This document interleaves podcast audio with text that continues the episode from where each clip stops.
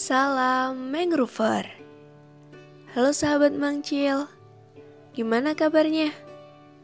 Semoga tetap selalu ceria ya. Pasti udah gak sabar kan dengerin cerita barunya Mat Kesem? Kita mulai aja ya. Cerita baru berjudul 20 Dongeng Mangrove. Alkisah Putri Sela dikutuk oleh Raja Mangrove menjadi kecil karena suka mencabuti bibit-bibit mangrove secara sembarangan. Kutukan hilang saat aku telah membacakan dongeng mangrove untuk 20 anak warga mangrove. Kata Putri Sela kepada Ganang si Liliput. Malam itu, dengan membawa lentera, Ganang kembali menemani Putri Sela, kali ini untuk mendongeng ke rumah keluarga Ibu Semut.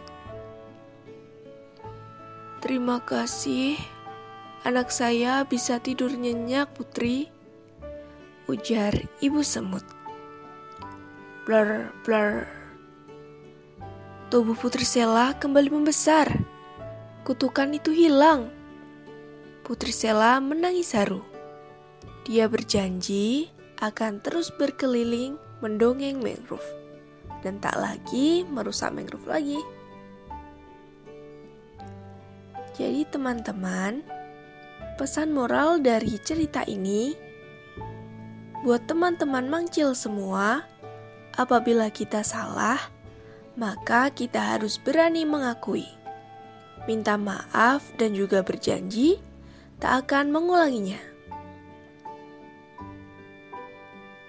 Kita juga tidak boleh mencabuti mangrove dengan sembarangan.